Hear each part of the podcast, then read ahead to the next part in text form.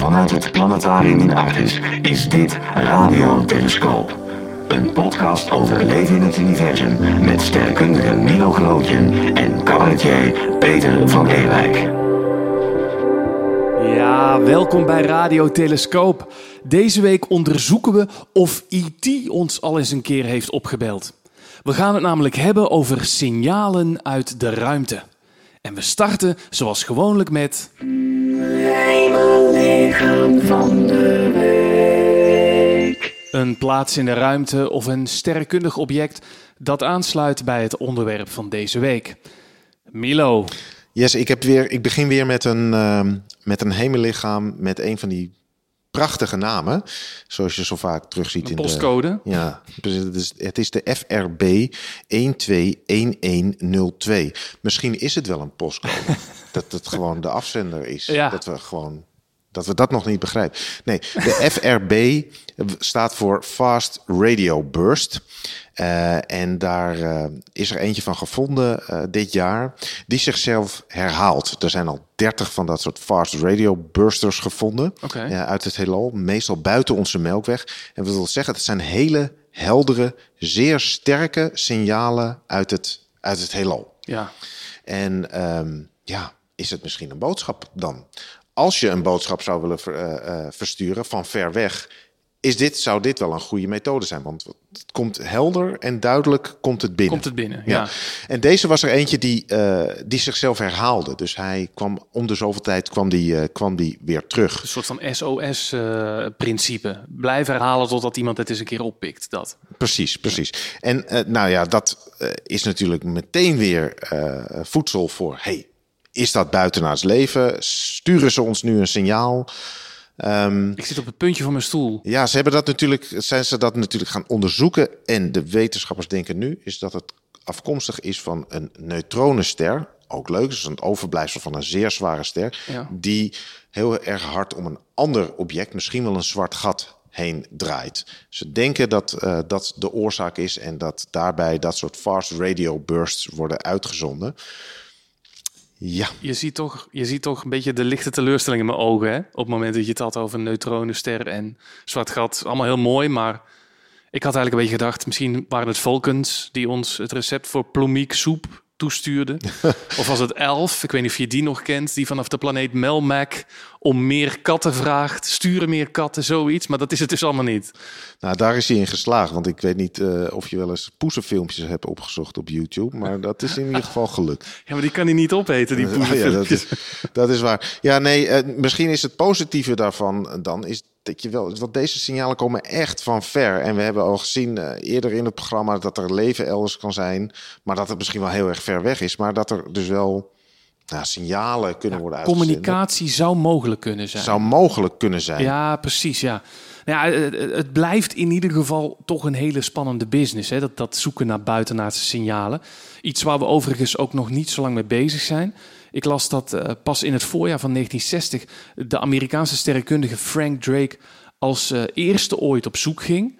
Hij luisterde 150 uur lang naar de sterren Epsilon Eridani en Tau Ceti in de hoop iets op te vangen. En hij zocht daarbij vooral naar opvallende patronen in de 1420 megahertz frequentie. En potverdorie, op 8 april 1960 kreeg hij signaal binnen. Wat denk je, Milo? Eh, had hij al meteen beet? Frank Drake is sowieso een hele belangrijke eh, figuur binnen de astronomie in, de zoektocht van naar buitenaards leven. Die naam gaan we nog veel vaker tegenkomen.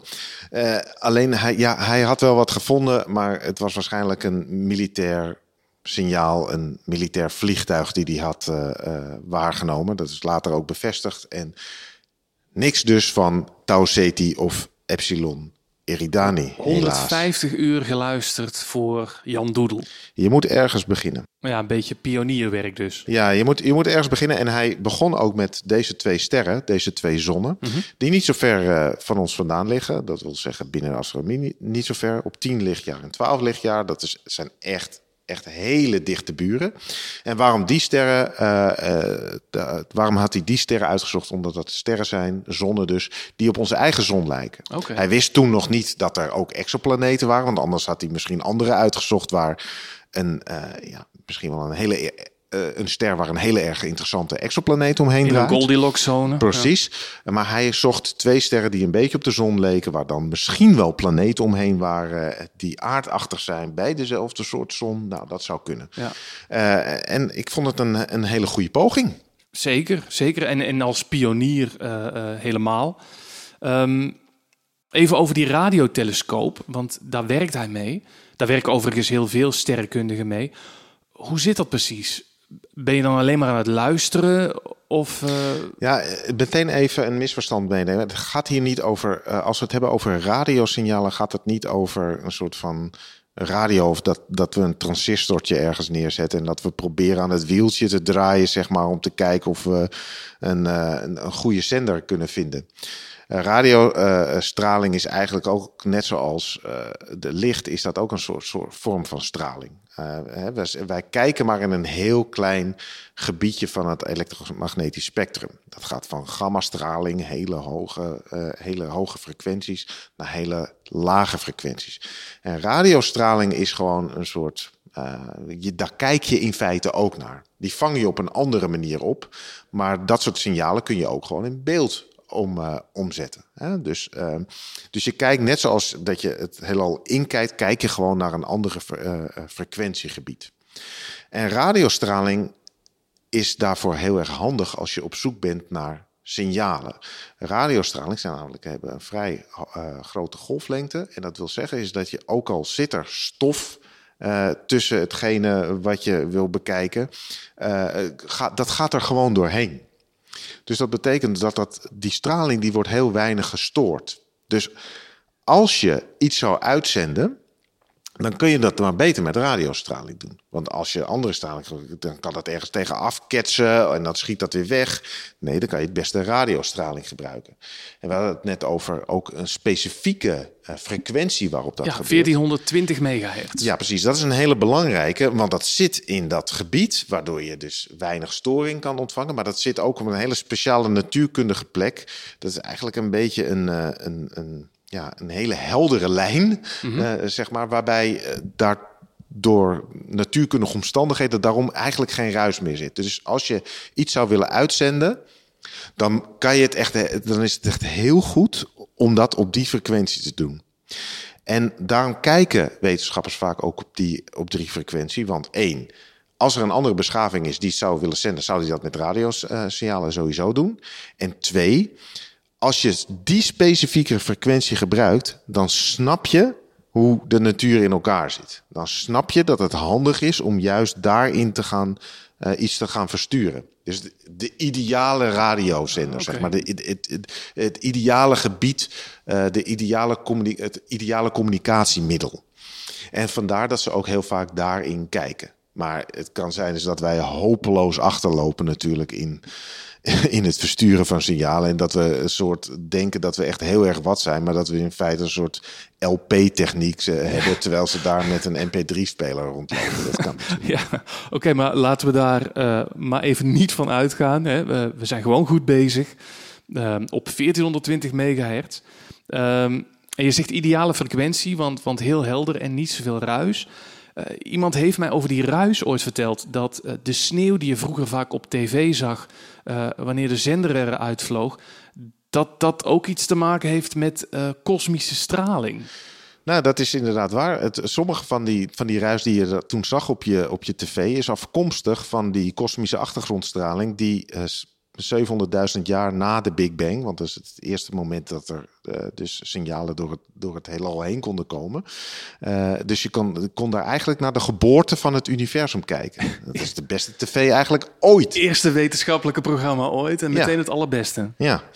Ehm, nee, ja, de, die, en die kosmische achtergrondstraling is er altijd. Dus ja, die, die wordt erin eh, wel Een uitgefilterd. beetje ja. uitgefilterd, ja, ja. Nee, dus dat is op zich dan niet zo'n eh, probleem. Ehm, ik, ik bedacht ook nog een extra voordeel van eh, radiotelescopen. Je kunt er ook overdag mee aan de slag.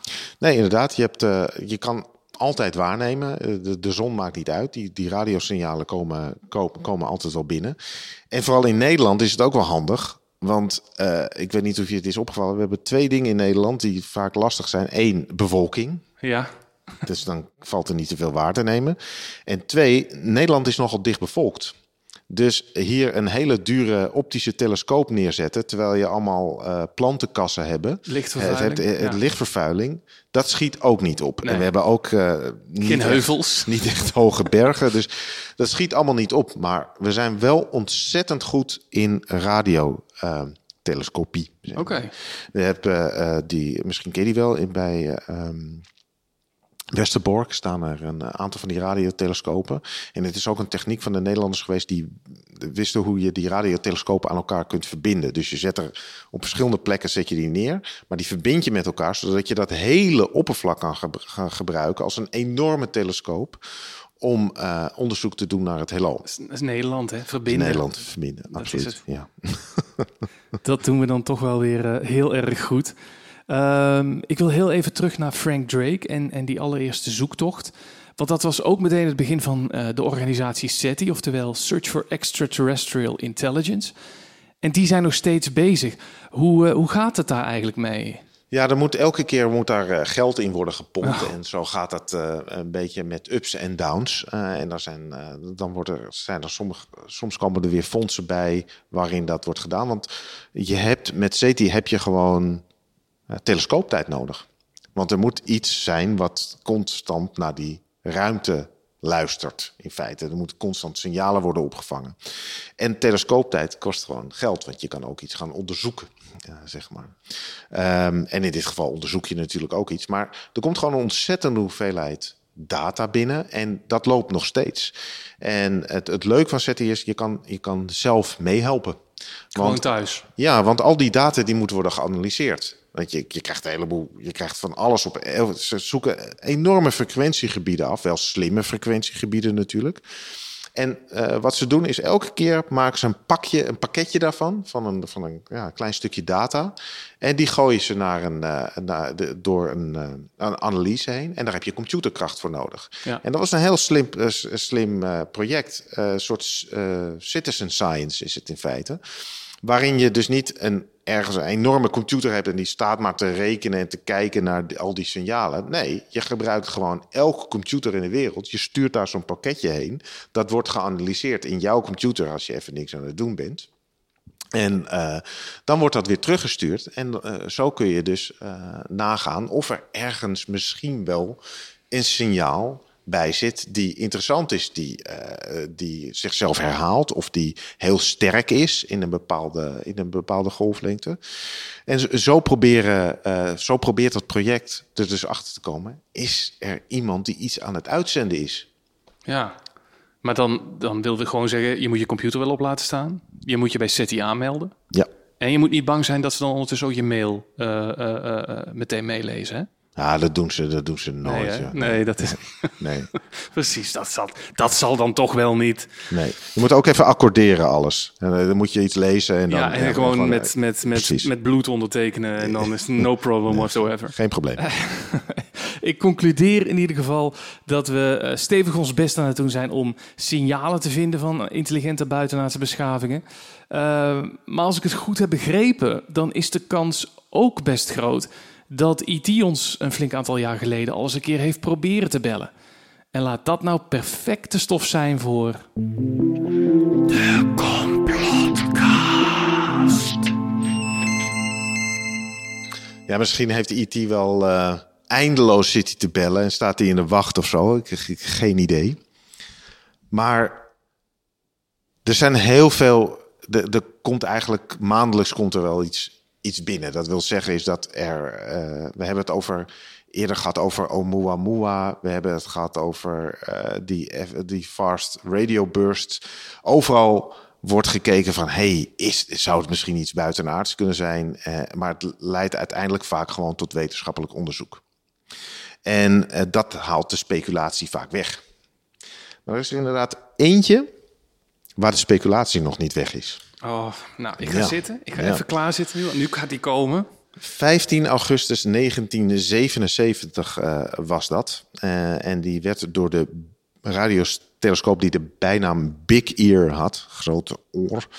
Uh, aan de Universiteit van Ohio kwam er een signaal binnen. En die staat nu bekend als het wow-signaal.